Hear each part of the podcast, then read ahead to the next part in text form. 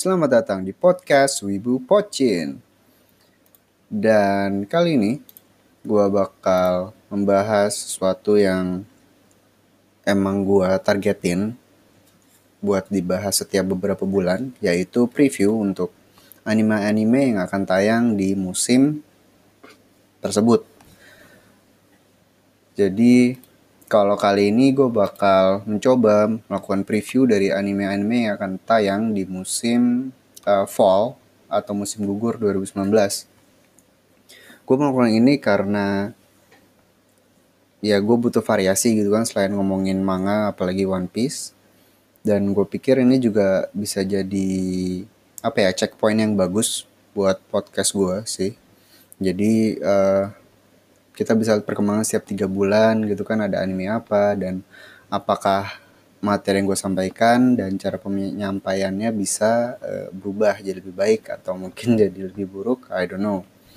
Dan yang pasti seperti yang gue bilang tadi mengenai milestone atau checkpoint kalau misalkan gue berhasil nanti bikin preview untuk season winter 2020 itu artinya podcast ini akan genap berumur satu tahun. So semoga ya semoga gue masih punya waktu dan niat untuk melakukan ini. So seperti biasa metode yang akan gue lakukan adalah pergi ke myanimelist.net terus gue filter anime berdasarkan seasonnya yaitu fall 2019 terus gue bakal urutin based on viewer count yang ada di website tersebut. Jadi yang pertama gue bahas pastinya adalah anime yang paling populer secara mainstream gitu kan, secara yang audiensnya paling banyak. Jadi kita turun ke bawah dan berharap di bawah-bawah nanti menemukan serial-serial yang bisa jadi hidden gems gitu dari season tersebut. Dan mungkin juga gue cuma simply melihat deskripsi yang absurd gitu kan. I mean jangan lupa uh, it's Japan. Pasti ada serial-serial yang absurd gitu. Dan gue bakal mencoba mencari itu. Tiap season pasti ada gitu kan. Cuman ya bedanya sekarang jadi banyak isekai aja. So let's start. Fall 2019 anime season preview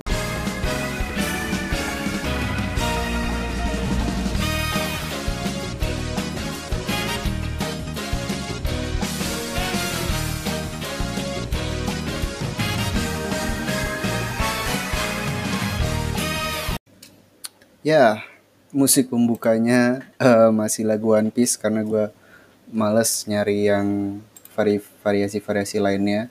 Apalagi mungkin nanti di masa depan mulai ada copyright infringement di dunia podcast gitu kan. But anyway, Fall 2019 dari sekelebat yang gue lihat ini sih isinya nama-nama besar semua uh, tinggal pertarungan popularitas saja sih in my opinion. Jadi dibandingkan dengan Summer 2019 yang menurut gue sangat-sangat membosankan dan that's the reason itulah kenapa gue nggak melakukan preview untuk Summer karena males ya karena nggak ada yang menarik aja gitu menurut gue dan terbukti the star of the season itu masih tetap Kimetsu no Yaiba yang sebenarnya startnya di season uh, spring 2019 gitu. Dan like bener kan gue Kimetsu no Yaiba is the best anime di spring 2019 dan possibly the best anime untuk tahun ini.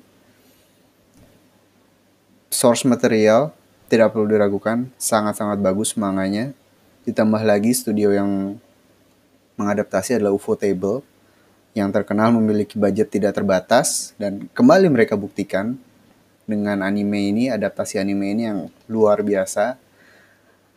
Bahkan untuk kelanjutan dari season 1 pun mereka bakal membuat movie kan, khusus movie untuk sebuah arc uh, Infinite Train. Jadi itu menurut gue the best decision sih. I mean untuk memilih studio yang tepat untuk mengadaptasi manga ini. Karena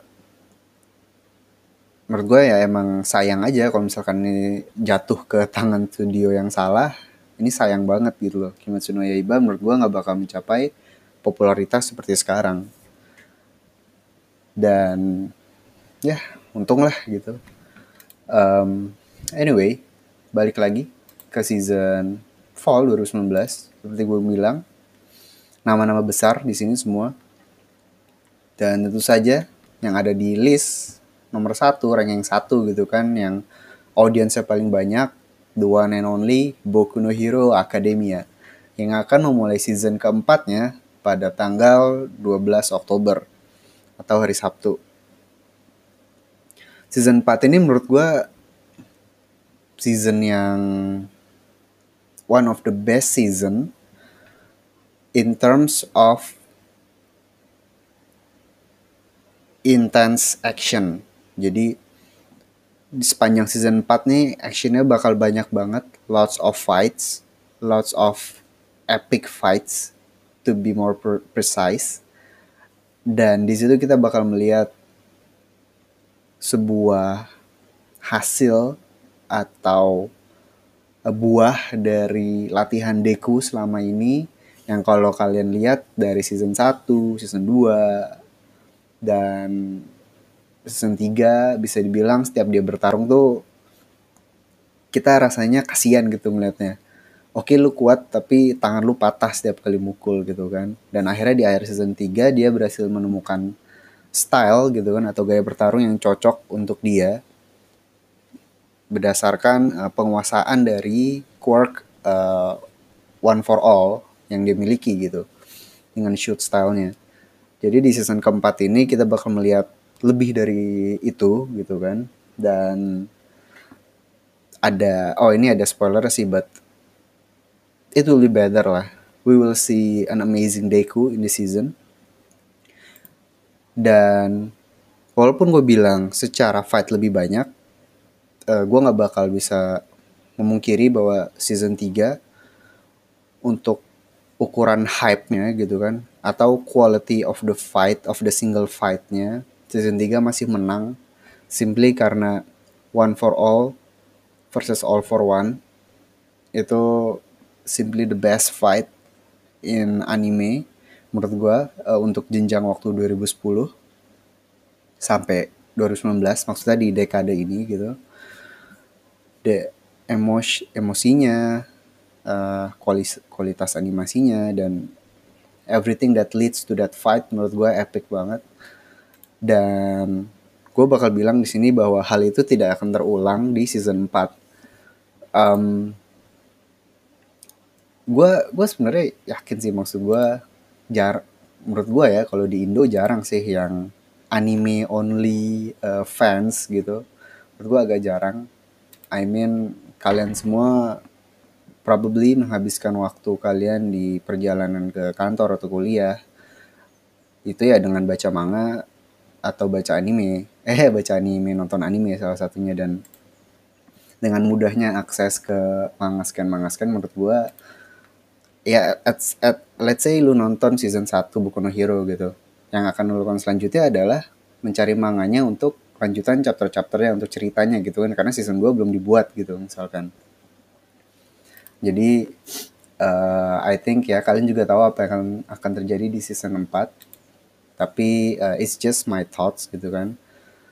Dan ya gue penasaran sih nanti uh, berakhirnya di mana si season 4 ini. Uh, aduh gue udah lupa lupa inget sih. Uh, setelah melawan overhaul ini ada beberapa bisa bilang filler arc ya karena sampai sekarang pun manganya baru memulai lagi ke hal yang seru ya Hmm, mungkin sampai festival musik ya, festival sekolah. Ya menurut gue itu pasti festival sekolah atau tapi yang jelas nggak bakal sampai ke arc-nya League of Villains sih. But anyway, season 4 Boku no Hero. Um, episode masih tanda tanya, jadi kita nggak tahu ini bakal satu core atau dua core. Yang jelas kita bakal melihat arc-nya Overhaul sampai selesai, and it will be epic. As always Bone Studio good job gitu kan. And oke okay, itu nomor satu Boku no Hero. Di peringkat kedua ada Sword Art Online Alicization uh, Escape di nomor tiga ada Nanatsu no Taizai season yang baru. Gua tuh biasanya gue nggak gitu ngikutin anime ya tapi kalau lihat dari trailernya mesti ini bakal ngecover pokoknya udah sampai bagian ngelawan uh, Ten Commandments dan sampai masuk ke arc di mana uh, Diane sama King itu latihan kan latihan sama si yang Dolor itu sama Gloxinia. Terus mereka mendapatkan akses ke memori masa lampau waktu perang demon dan dan manusia ya pokoknya oh Holy War Holy War yang 3000 tahun lalu di mana mereka melihat Meliodas dan Elizabeth yang di zaman dulu. Mestinya menarik sih. Tapi ya jujur aja sih kalau baca manganya sekarang gue udah kehilangan selera gitu buat bahas Natsu no Taizai. Tapi animenya masih tetap bagus. At least di season ini mestinya masih bagus. So silahkan nonton kalau yang emang kemarin udah nunggu-nunggu lanjutannya. I have nothing left to say about this. Next, peringkat 4 ada Shokugeki no Soma, season keempat. Um, ini kalau di manganya sih, ya yeah, it should be one of the best uh, arc atau lebih tepatnya uh, the most tense and arc with the highest stake gitu kan.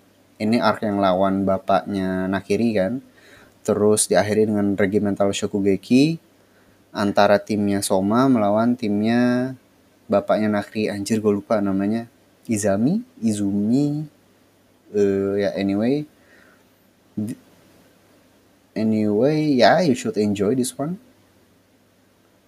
karena ada kalau nggak salah finalnya tuh eh spoiler um, ya yeah, should be okay lah season 4 menurut gue season 5 nya nanti yang bakal sedikit menurun ya in my opinion. Karena ya begitulah. Anyway manga juga udah tamat. Dan kalau nggak salah lagi ada spin off ya. Spin off uh, nggak begitu inget sih. Anyway this one should be good. Dan ada di Netflix juga eh tapi nggak tahu ya yang season 4 nya bakal simulcast atau enggak oke okay. next one let's take a break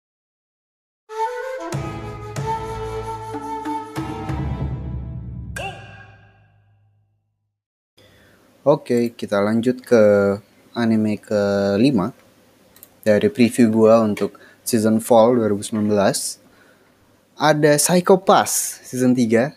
Um, gue cukup surprise liat ini karena gue nggak gitu ngikutin berita-berita trailer anime baru gitu kan. I mean, season 1 was amazing. Season 2 was meh, to be honest. Dan mereka masih mencoba untuk mengerjakan season 3 uh, sebenarnya sih gue gue gue penasaran sih I will try to watch this gimana pun juga Psychopath is an example of how you make an original anime dalam artian dia tidak berdasarkan source material apa pun entah dari manga uh, light novel novel atau bahkan video game gitu kan mobile game jadi gue sangat tertarik buat nonton ini. I mean production IG always have good quality anime animation gitu kan. Dan di season ini pun masih bakal ada Shinya Kogami juga dan juga Akane Tsunemori jadi should be interesting. And yeah, that's all I have to say actually, but gue bakal nonton ini season 3 dari Psycho Pass. Episode pertamanya di tanggal 25 Oktober. Next, ada anime isekai. Tentu saja gue baca deskripsinya dulu karena I have to find out what kind of isekai anime is this. Dan ya kalau gue lihat sih zaman sekarang anime-anime isekai paling gampang ya caranya untuk membuat isekai yang bagus karena it's already too saturated udah kayak sama semua jadi caranya harus kadang si authornya bikin plot twist entah di mana yang membuat ceritanya jadi menarik atau beda gitu. Atau mengambil perspektif yang lain. Kalau di sini uh, seperti biasa settingannya seorang princess memanggil pahlawan dari dunia lain. And here comes the plot twist ternyata si hero nya ini sangat kuat dia overpowered.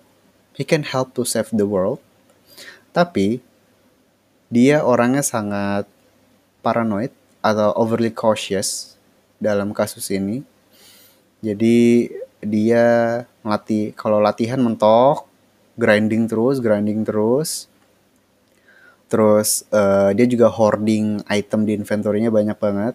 I mean, I can relate to this on spiritual level because that's what I did dengan game-game RPG yang gue mainin.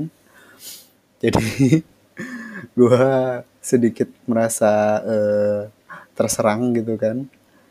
Dan dia juga melakukan ini semua cuma buat melawan slime. Jadi kayak ya should be good good komedi sih.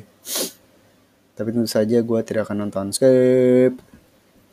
Next ada hmm, adaptasi dari light novel berjudul Assassin's Pride. I ratingnya 7,09 should be mediocre. Uh, skip. Next. Ore wo suki nano wa omae dake kayo dari light novel. Comedy romance school. Hmm oke okay. bla bla bla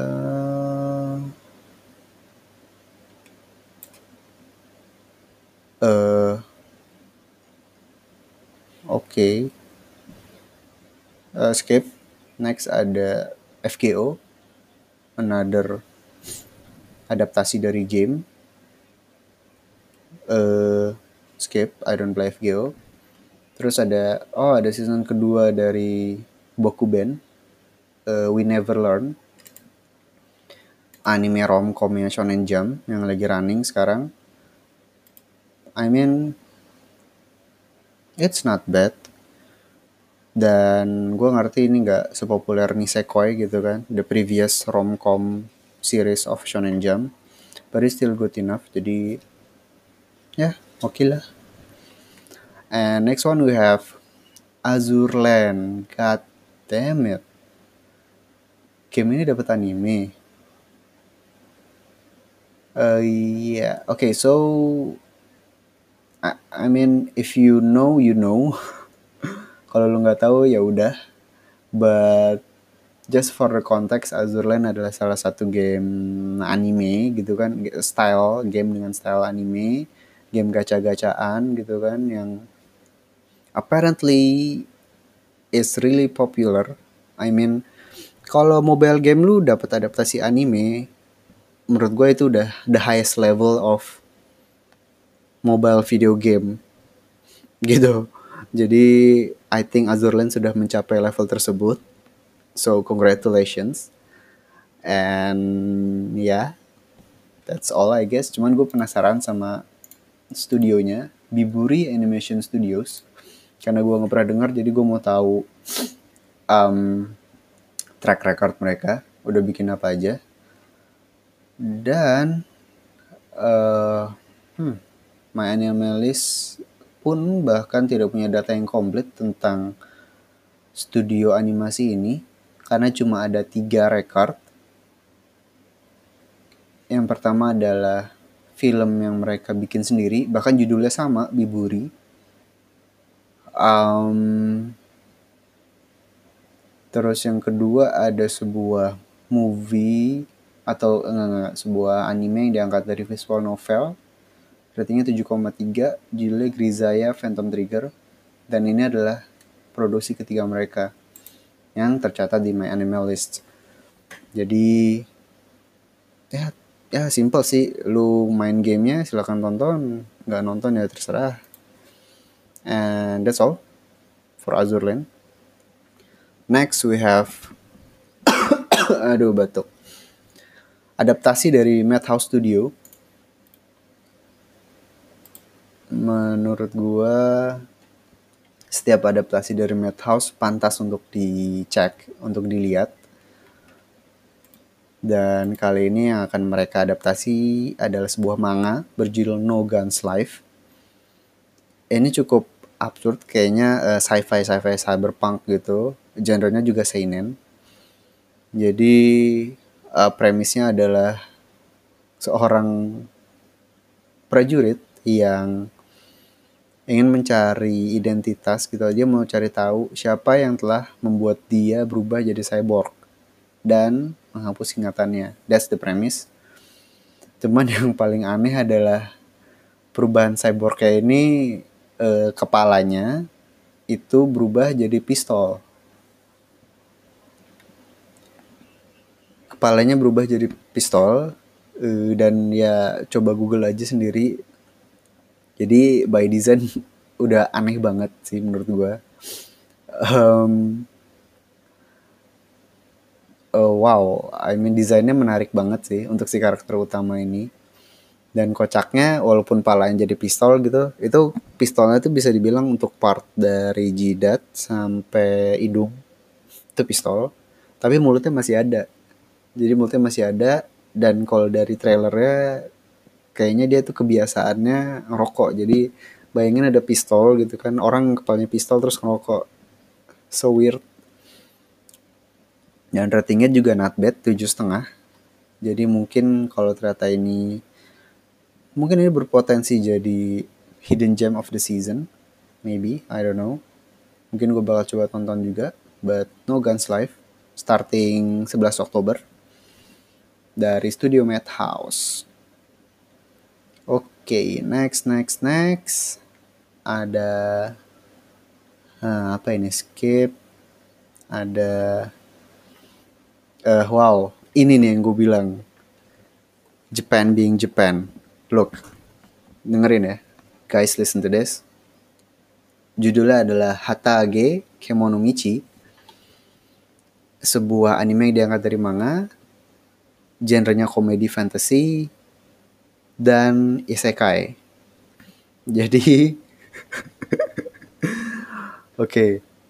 Oke, okay, here's the premise. Seperti biasa, seorang putri memanggil pahlawan dari dunia lain Kali ini yang dipanggil adalah pegulat profesional bernama Shibata Genzo. Dia diminta tolong oleh sang putri untuk mengalahkan para binatang-binatang buas yang mengganggu dunianya. The plot twist is, I mean, dengan dia manggil professional professional wrestlers itu udah cukup unik buat gue tapi ternyata ditambah lagi si Genzo ini ternyata adalah pencinta binatang. Dan karena musuh di anime ini wujudnya binatang semua, dia menolak untuk melakukan pekerjaannya. I mean, okay, that's funny. So, so instead of helping the princess, dia malah melakukan suplex terhadap si princess. Akhirnya dia dihukum dan he said like okay, fuck this shit gue bakal membuat pet shop monster di dunia ini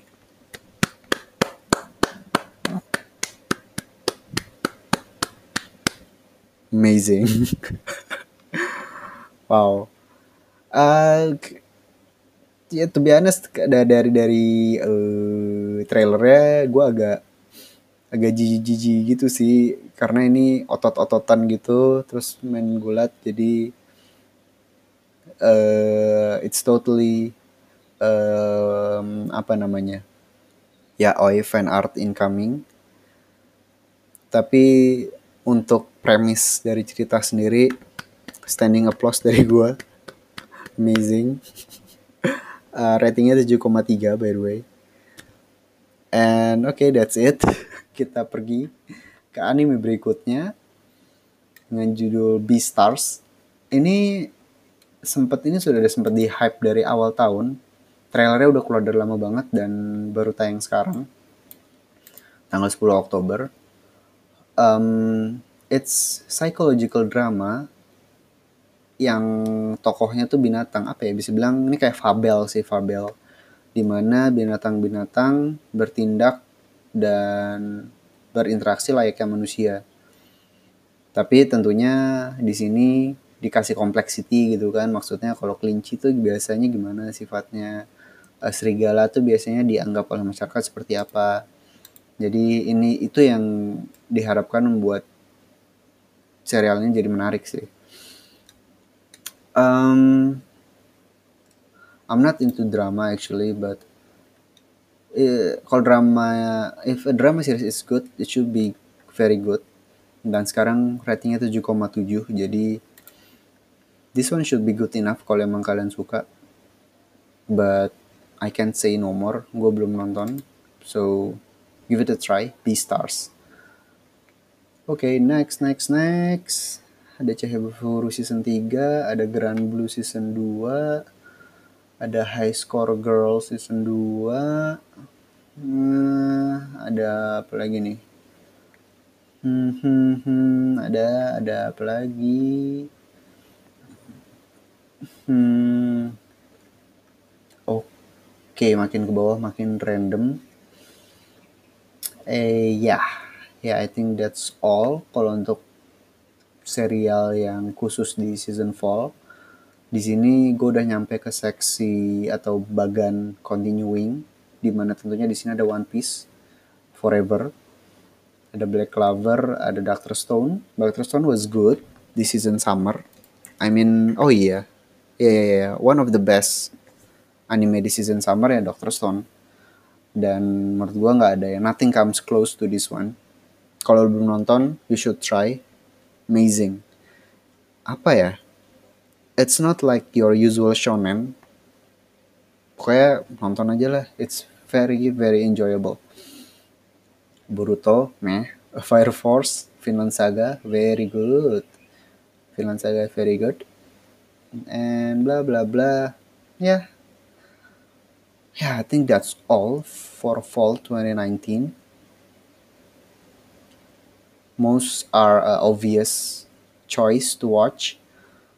And nampaknya gue juga tidak bisa menemukan hidden gem dari season ini simply karena banyakkan nama besar di yang akan yang tayang jadi maksud gua daripada mengambil resiko mending tonton yang udah pasti bagus gitu kan ya so yeah I think that's all for fall 2019